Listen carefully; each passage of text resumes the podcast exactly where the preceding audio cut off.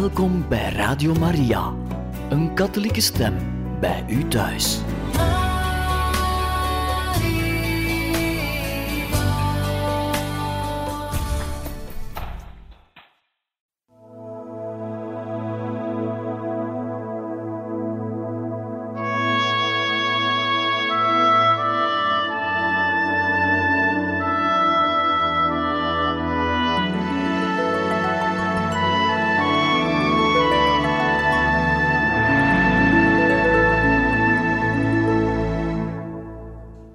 Harte welkom, beste luisteraars van Radio Maria.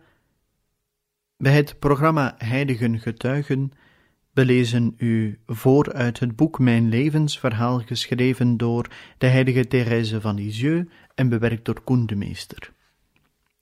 We hadden in een vorige aflevering het eerste autobiografische manuscript, manuscript A, en dat staat voor Agnes, afgewerkt. Een uh, manuscript dat gericht was aan haar zus Pauline, die dus later bekend werd als moeder Agnes, en haar overste werd in de Karmel waar ze is ingetreden. Vandaag beginnen we aan een inleiding voor het tweede manuscript G, wat staat voor Gonzaga. Het is 20 januari 1896, de vooravond van het naamfeest van de priorin. Als Therese het koor binnengaat voor het inwendig gebed, biedt ze in stilte haar manuscript aan moeder Agnes aan. Twee glimlachjes. Agnes legt het schrift naast zich neer. Het is tijd voor het gebed. Ze zal pas na de verkiezingen van 21 maart 1896 de tijd hebben om het ook echt te lezen. Dan zal ze, na maar drie jaar priorin te zijn geweest, van haar taak worden ontslagen ten gunste van moeder Marie van Gonzaga, die na zeven verkiezingsronden met moeite wordt gekozen. Therese is al bijna zes jaar geprofest, maar heeft geen stem in het conventskapitel omdat ze de derde zus Martin is. Ze had gevraagd of ze op het noviciaat mocht blijven. Moeder Agnes had dit toegestaan, zo ook moeder Marie van Gonzaga, die Therese tot haar assistente bij de novissen benoemt, maar zelf de titel novice-meesteres blijft dragen en alle beslissingen zal nemen. Op Goede Vrijdag 3 april 1896, even na middernacht en s'avonds opnieuw, spuwt Therese bloed. In die tijd was dat een bijna onfeilbaar voorteken van een aanstaande dood. Twee dagen later, op Pasen, overvalt haar een beangstigende vraag en die zal haar tot haar dood niet meer loslaten. Is er een hemel voor ons? Jezus stond toe dat de dichtste duisternis mijn ziel binnendrong en dat de gedachte aan de hemel, die altijd zo vreugdevol was voor mij, nu alleen nog een onderwerp van strijd en kwelling was. Onverschrokken als ze is in haar geloof, in de belofte van Jezus en uit solidariteit aanzittend aan die tafel die vol bitterheid is, en waaraan de zondaars eten, draagt Therese de lichtende fakkel van het geloof voor zich uit. De tuberculose woedt met vernietigende kracht voort.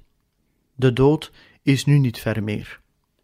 Eind mei, begin juni van het jaar 1897, spreekt moeder Agnes de wens uit dat Therese het vervolg op het kleine leven zou opstellen. Dat wil zeggen, het vervolg op het eerste autobiografische manuscript, dat in 1895 voor haar opgetekend is, manuscript Agnes, wat we dus in de vorige afleveringen mochten leren kennen. De nieuwe priorin, moeder Marie van Gonzaga, draagt Therese op aan het werk te gaan. En dat levert ons het tweede autobiografische manuscript op, manuscript G. Gonzaga.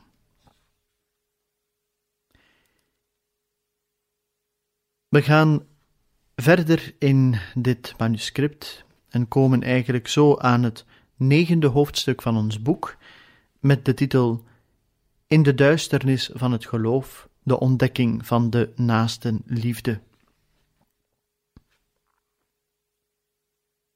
Lieve moeder, u hebt mij de wens uitgedrukt dat ik samen met u het bezingen van de barmhartigheden van de Heer voltooien zou. Dat mooie lied ben ik begonnen met uw lieve dochter Agnes van Jezus. Zij was de moeder die van de goede God de taak gekregen had mij in de dagen van mijn jeugd te begeleiden. Ik moest dus samen met haar de genaden bezingen die aan het bloempje van de heilige maagd geschonken zijn, toen het nog in de lente van haar leven was. Maar nu de schuchtere stralen van de dageraad plaats hebben gemaakt voor de brandende hitte van de middag, is het samen met u dat ik het geluk van dat bloempje verder bezingen moet. Ja, samen met u ga ik, om aan uw wens te beantwoorden, proberen de gevoelens van mijn ziel uit te drukken. Mijn dankbaarheid tegenover de goede God en tegenover u, die Hem voor mij zichtbaar vertegenwoordigt. Heb ik me niet in uw moederlijke handen helemaal aan Hem prijsgegeven? Kunt u zich die dag nog herinneren? Ik weet dat uw hart dat niet zou vergeten, maar ik moet wachten tot in de mooie hemel. Hier beneden vind ik niet de juiste woorden om uit te kunnen drukken wat zich op die gezegende dag in mijn hart afspeelde. Op een andere dag hechtte mijn ziel zich nog meer aan de uwe, als dat mogelijk is. Het was de dag waarop Jezus u opnieuw de taak oplegde om leiding te geven. Toen heeft u in tranen gezaaid, maar in de hemel zult u jubelen van vreugde als u ziet dat u kostbare schoven in uw handen draagt. Neemt u mijn kinderlijke eenvoud niet kwalijk. Ik weet dat u het me toe zult staan tot u te spreken, zonder me eerst af te vragen wat een jonge religieuze tegen haar priorin zeggen mag. Misschien zal ik niet altijd binnen de grenzen blijven waaraan een ondergeschikte zich houden moet. Maar ik durf te zeggen dat dat door u komt. Ik ga met u om als een kind, omdat u niet met mij omgaat als een priorin, maar als een moeder. Ik weet heel goed dat de goede God altijd door u tot me spreekt. Heel veel zusters denken dat u me verwend hebt, dat ik, sinds ik in de heilige ark binnengegaan ben, van u alleen lieve woorden en complimentjes gekregen heb. Toch is dat niet zo. U zult in het schrift met mijn jeugdherinneringen kunnen lezen hoe ik denk over de stevige en moederlijke opvoeding die ik van u gekregen heb. Uit het diepst van mijn hart dank ik u dat u me niet ontzien hebt. Jezus wist heel goed dat zijn bloempje het levengevende water van de verootmoediging nodig had. Het was te zwak om zonder die hulp wortel te kunnen schieten. Door u, moeder, werd haar die weldaad geschonken. Anderhalf jaar geleden heeft Jezus op een andere manier de groei van zijn bloempje willen stimuleren. Hij vond vast dat ze genoeg water kreeg, want nu is het de zon die haar groeien doet. Jezus wil haar alleen nog maar zijn glimlach schenken door u. Die zachte zon laat het kleine bloempje zeker niet verwelken, maar laat haar wonderbaarlijk groeien. Op de bodem van haar kelkje bewaart het de kostbare dauwdruppels die het gekregen heeft. Die herinneren haar er altijd aan hoe klein en zwak het is. Alle schepselen mogen zich over haar heen buigen, haar bewonderen en overstelpen met lofuitingen, maar dat zou, ik weet niet waarom, geen enkele druppel valse vreugde toe kunnen voegen aan de ware vreugde die het bloempje in haar hart smaakt, als het ziet wat het in de ogen van de goede God is: arm, klein en nietig.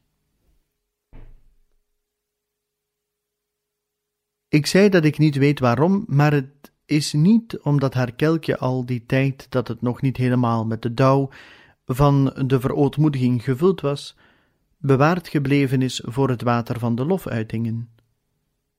En nu dreigt er geen gevaar meer. Integendeel, het bloempje vindt de dauw waarmee het gevuld is zo heerlijk van smaak, dat het zich er wel voor hoedt dat in te wisselen voor het zo smakeloze water van complimentjes. Ik wil niets zeggen, moeder, over de liefde en het vertrouwen dat u me schenkt. Denk niet dat het hart van uw kind er ongevoelig voor is. Ik weet alleen dat ik nu niets meer te vrezen heb. Ik kan er juist van genieten, door het goede dat de goede God in me heeft willen leggen, aan Hem toe te schrijven. Als het Hem behaagt me beter te laten lijken dan ik in werkelijkheid ben, dan gaat dat mij niet aan. Hij is vrij om te handelen zoals Hij wil. Hoe verschillend zijn de wegen waarlangs de Heer de zielen leidt. In de levens zien we dat er veel heiligen zijn die niets na hebben willen laten voor na hun dood. Nog niet de kleinste herinnering of geschrift. Maar er zijn ook andere heiligen, zoals onze moeder, de heilige Teresa, die de kerk verrijkt hebben met hun verheven openbaringen. Ze deinsden er niet voor terug de geheimen van de koning te openbaren, om er zo voor te zorgen dat hij meer gekend zou zijn en meer bemind zou worden. Welke van deze twee soorten heiligen zouden de goede God nou het meest behagen? Ik denk, moeder, dat ze hem beide even aangenaam zijn. Ze hebben immers allen de stuwing van de Heilige Geest gevolgd, en de Heer heeft toch ook gezegd: Zeg tegen de rechtvaardige dat alles goed is. Ja, alles is goed, wanneer je alleen de wil van Jezus zoekt. En daarom gehoorzaamt dit arme bloempje aan Jezus, wanneer het probeert u, moeder, plezier te doen.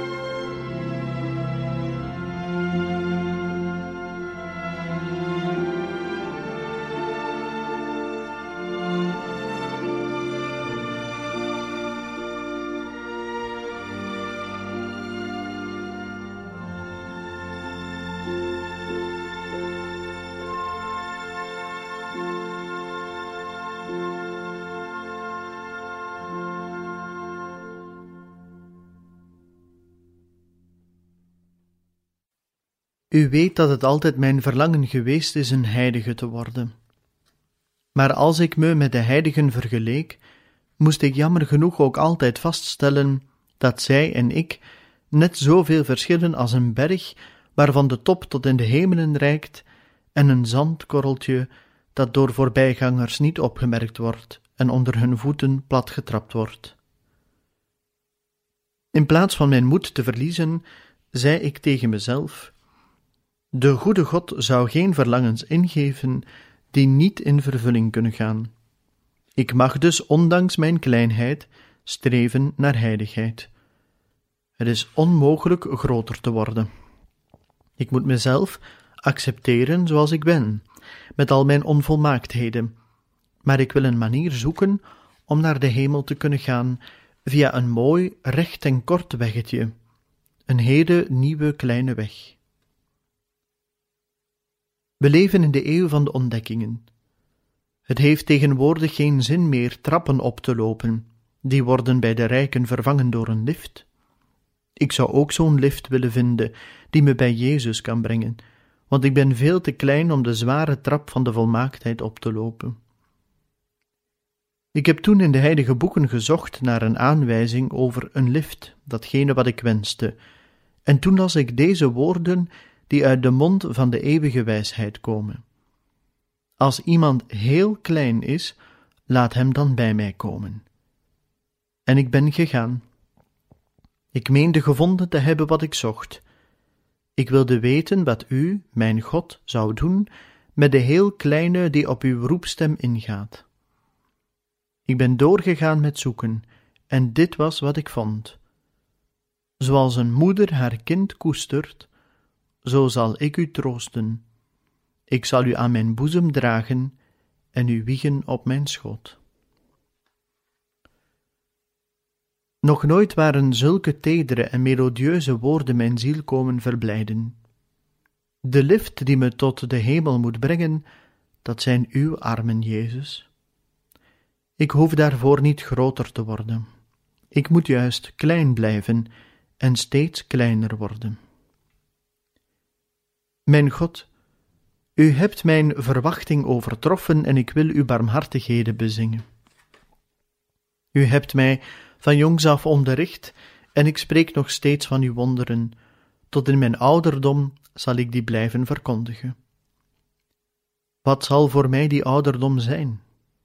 Dat zou ook nu kunnen zijn, want 2000 jaar zijn er in de ogen van de Heer slechts twintig, slechts één enkele dag. Denk niet, moeder, dat uw kind u al verlaten wil. Denk niet dat ze het als een grote genade beschouwt, veel eer bij zonsopgang te sterven dan bij het vallen van de avond. Wat zij hoog acht, wat haar enige wens is, is Jezus plezier te doen. Uw kind verheugt zich nu hij naderbij lijkt te komen om haar mee te lokken naar zijn verblijfplaats van glorie. Ze heeft al lange tijd geleden begrepen dat de goede God niemand nodig heeft om goed te doen op aarde, en haar nog minder dan de anderen. Moeder, vergeef het me als ik u bedroefd maak. Ik zou u zo graag blij willen maken. Maar meent u echt dat als uw gebeden op aarde niet verhoord worden en Jezus voor een paar dagen het kind bij zijn moeder wegneemt, dat uw gebeden dan ook niet in de hemel verhoord zullen worden? Het is uw wens, dat weet ik, dat ik bij u een heel mooie en makkelijke taak vervul. Zou ik deze missie niet af kunnen maken vanuit de hoge hemel?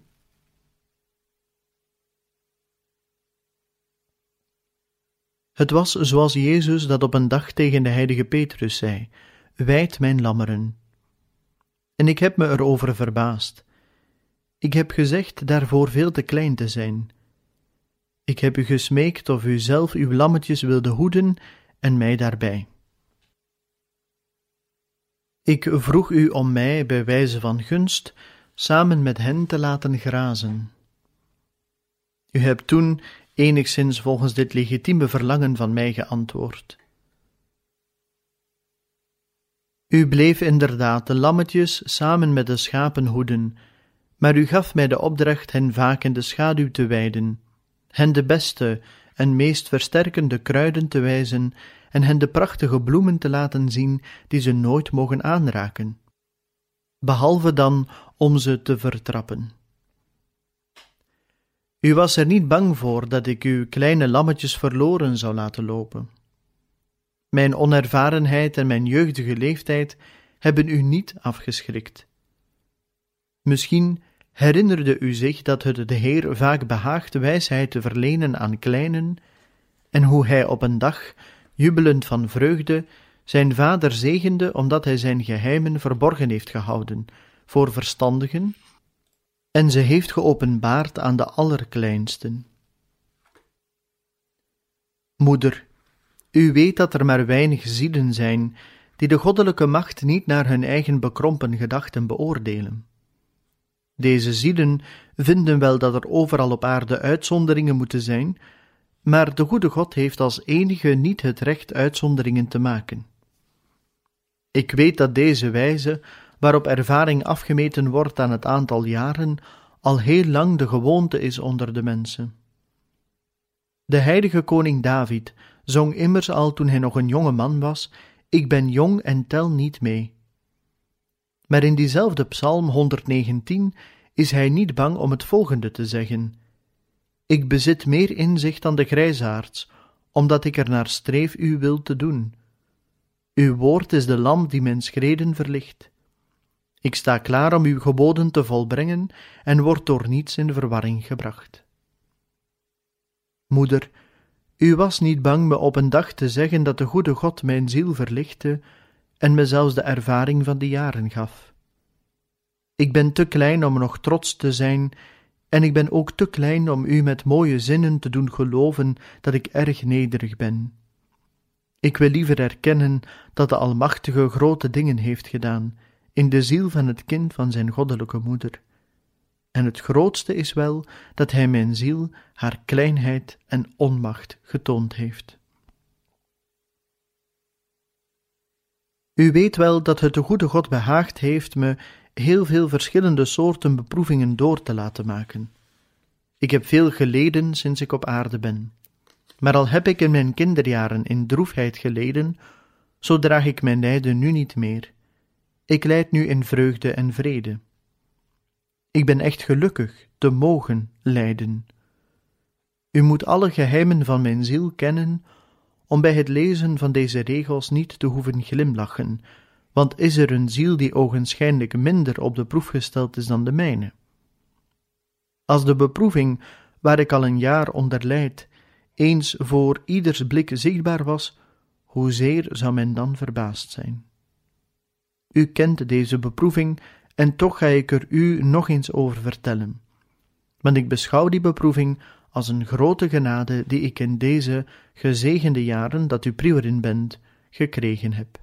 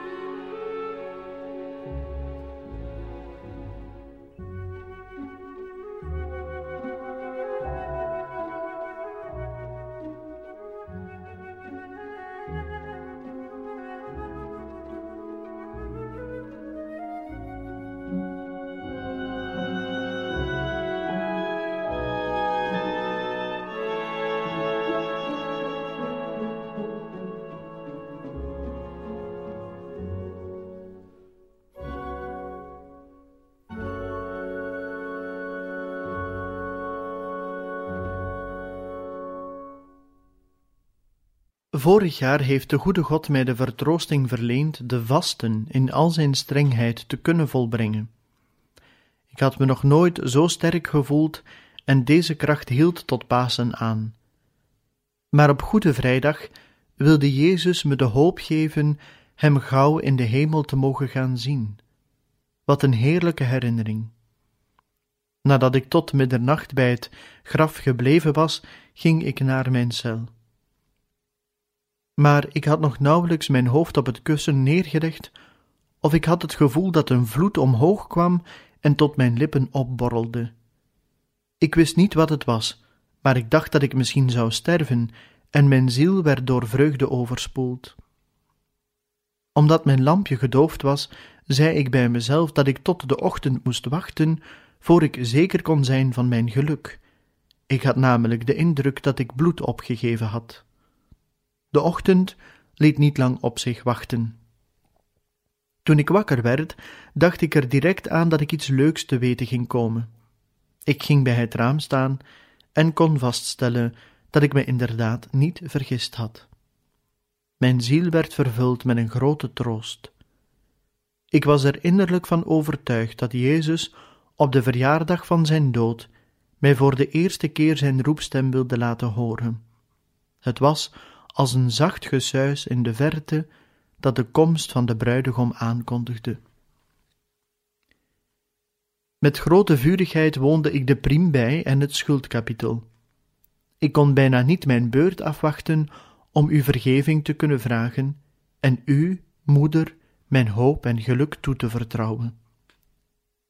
Ik voegde eraan toe dat ik helemaal niet leed, wat ook zo was, en ik smeekte u niet ontheven te worden van de gewone werkzaamheden. En inderdaad werd me de vertroosting geschonken de hele Goede Vrijdag door te kunnen brengen zoals ik wenste. Nog nooit had de strengheid van de karmel me zo heerlijk geleken. De hoop naar de hemel te kunnen gaan bracht me in vervoering van vreugde. Toen de avond van die gelukzalige dag gekomen was, moest ik gaan rusten. Maar de goede Jezus gaf me hetzelfde teken als de nacht ervoor. Het zou niet lang duren voor ik de eeuwigheid binnen zou gaan. Ik bezat toen een zo vurig en helder geloof dat de gedachte aan de hemel heel mijn geluk uitmaakte. Ik kon niet geloven dat er goddelozen waren die geen geloof bezitten. Ik geloofde dat zij, wanneer ze beweerden dat er geen hemel bestond, die mooie hemel waar God zelf hun eeuwige beloning wil zijn, ingingen tegen datgene wat zij eigenlijk dachten. In de zo vreugdevolle dagen van de paastijd heeft Jezus me doen inzien dat er echt mensen bestaan die geen geloof hebben. Doordat ze de genaden misbruiken, verliezen ze die waardevolle schat die de bron is van zuivere en ware vreugde. Hij stond toe dat de dichtste duisternis mijn ziel binnendrong en dat de gedachte aan de hemel, die altijd zo vreugdevol was geweest voor mij, nu alleen nog een onderwerp van strijd en kwelling was. Die beproeving duurde niet een paar uur of een paar weken. Die zal pas uitdoven op het uur dat door de goede God bepaald is, en dat uur is nog steeds niet gekomen. Ik zou willen uitdrukken wat ik voel, maar ik denk dat dat onmogelijk is. Je moet door die donkere tunnel gereisd hebben om er de duisternis van te kunnen begrijpen. Toch ga ik proberen die duisternis door middel van een vergelijking uit te leggen. Ik stel me voor dat ik in een land geboren ben waar dikke mist hangt. Nog nooit heb ik de stralende aanblik gezien van de natuur, ondergedompeld in de betoverende, schitterende licht van de zon. Ik hoor wel al van kindsbeen af over die wonderen praten. Ik weet dat het land waar ik geboren ben niet mijn vaderland is. Er is een ander land waarnaar ik onophoudelijk moet uitzien.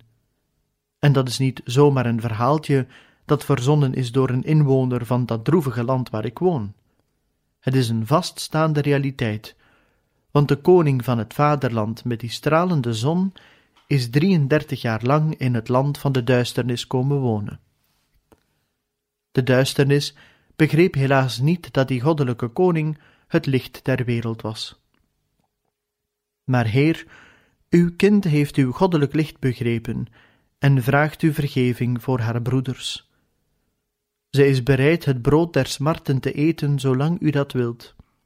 En ze wil niet voor de door u vastgestelde dag van die tafel opstaan die vol bitterheid is en waaraan de arme zondaars eten. Maar ze kan toch in haar eigen naam zeggen en in naam van haar broeders: Heb medelijden, Heer, want wij zijn maar arme zondaars. Heer, zend ons gerechtvaardigd heen, dat alle mensen die niet verlicht worden door de lichtende fakkel van het geloof, die toch uiteindelijk mogen zien stralen. Jezus, als de tafel die door hen bezoedeld is, gezuiverd moet worden door een ziel die u bemint, dan wil ik wel aan die tafel in mijn eentje het brood van de beproeving eten, totdat het u behaagt me binnen te leiden in uw lichtend koninkrijk. De enige genade waar ik u om vraag, is nooit tegen u te zondigen.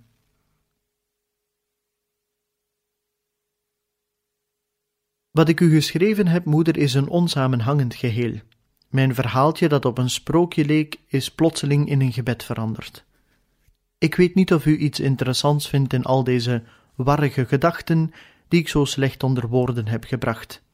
Maar ja, uiteindelijk schrijf ik geen literair werk. Ik schrijf uit gehoorzaamheid. En mocht ik u vervelen, dan kunt u tenminste zien dat uw kind zijn goede wil getoond heeft. Zonder me te laten ontmoedigen ga ik dus verder met mijn kleine vergelijking op het punt waar ik gebleven was. Ik zei dat de zekerheid eens ver weg te gaan van het droevige en duistere land me al in mijn kindertijd gegeven was. Ik geloofde dat niet alleen uit wat ik hoorde vertellen door mensen die veel wijzer waren dan ik, maar diep in mijn hart voelde ik eveneens dat verlangen naar een ander, mooier gebied. Zoals die geniale Christoffel Columbus het voorgevoel had dat er een nieuwe wereld bestond, terwijl niemand daar ooit aan gedacht had, zo voelde ik dat een ander land voor mij op een dag de blijvende woonstede zou zijn. Maar plotseling wordt de mist die me omringt dikker. Hij dringt mijn ziel binnen en omhult haar zo sterk dat het me niet meer lukt dat mooie beeld van mijn vaderland terug te halen. Alles is verdwenen. Wanneer mijn hart, dat vermoeid is van de duisternis die om haar heen is, even uit wil rusten en aan dat lichtende land wil denken waarnaar ik uitzie, dan neemt mijn kwelling alleen maar toe. Dan lijkt het of de duisternis de stem van de zondaars leent en vol spot tegen me zegt: Je droomt van het licht, van een vaderland waar de meest welriekende geuren hangen. Je droomt ervan de schepper van al die wonderen eeuwig te bezetten. Je denkt dat je ooit bevrijd wordt van die mist die om je heen is. Ga dan, ga dan vooruit. Verheug je maar over de dood, die je niet geven zal waar je op hoopt, maar een nog donkerder nacht, de nacht van het niets. Moeder, het beeld dat ik u heb willen geven van het donker dat mijn ziel verduistert, is net zo onvolmaakt als de schets vergeleken met het originele model. Toch wil ik er niet langer over schrijven. Ik ben bang dat ik God dan zou beledigen. Ik ben nu al bang dat ik te veel gezegd heb.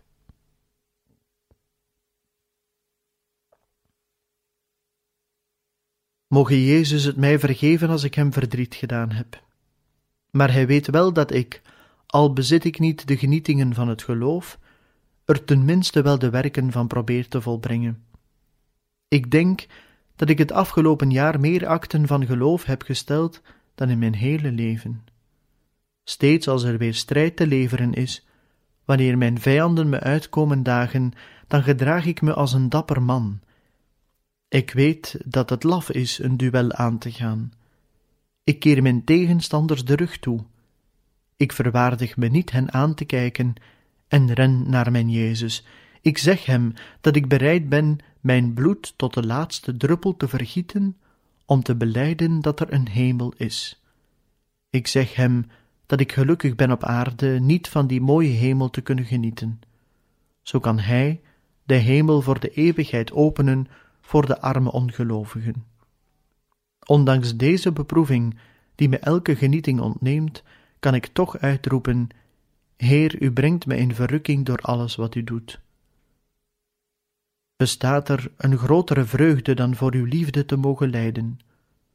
Hoe meer het lijden van iemand zich innerlijk afspeelt en niet zichtbaar is voor de ogen van de schepselen, des te meer bent u er verheugd over, mijn God. Maar al zou u niet eens afweten van mijn lijden, wat ondenkbaar is, dan nog zou ik gelukkig zijn het te verduren, als ik daardoor ook maar één enkele zonde tegen het geloof verhinderen of weer goedmaken kon. Moeder, misschien denkt u dat ik mijn beproeving overdrijf. Als u inderdaad afgaat op de gevoelens die ik in de gedichtjes uitdruk die ik dit jaar geschreven heb, dan moet u wel de indruk hebben dat mijn ziel vol vertroostingen is en dat de sluier van het geloof voor mij bijna gescheurd is. En toch, het is geen sluier meer voor me, maar een muur die tot de hemelen reikt en het met sterren bedekte firmament verbergt. Wanneer ik het geluk van de hemel bezing, het eeuwig mogen bezitten van God, dan ervaar ik geen enkele vreugde. Ik bezing simpelweg wat ik geloven wil. Soms komt een heel klein zonnestraaltje wel even mijn duisternis verlichten, en dan houdt de beproeving voor een moment op. Maar de herinnering aan die lichtstraal zorgt niet voor vreugde. Mijn duisternis wordt er nog dikker door.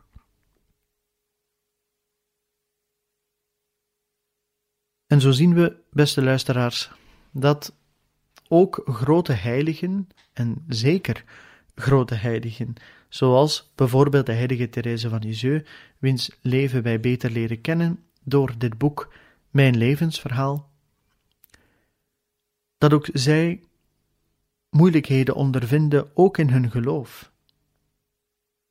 Dat ook zij duisternis kennen, een duisternis die zelfs zo zwaar kan wegen dat er amper licht doorkomt, zoals de heilige Therese van Lisieux het zegt. Wel, een volgende keer gaan we verder in dit uh, tweede autobiografische uh, manuscript, G, geschreven dus voor moeder Gonzaga. En dan gaan we meer ontdekken hoe zij in deze duisternis de barmhartigheid van God heeft ervaren. En dat is voor een volgende keer. Mogen het levensverhaal van de heilige Therese van Lisieux ons ook sterken en bemoedigen in onze eigen momenten van duisternis. Ik dank u van Hanser harte voor uw luisteren door en hoop dat u ook een volgende keer opnieuw afstemt op het programma Heiligen Getuigen. Dan lezen wij u verder voor uit het boek Mijn levensverhaal van de heilige Therese van Lisieux, bewerkt door Koen de Meester. Van harte dank en nog een bijzonder fijne dag gewenst.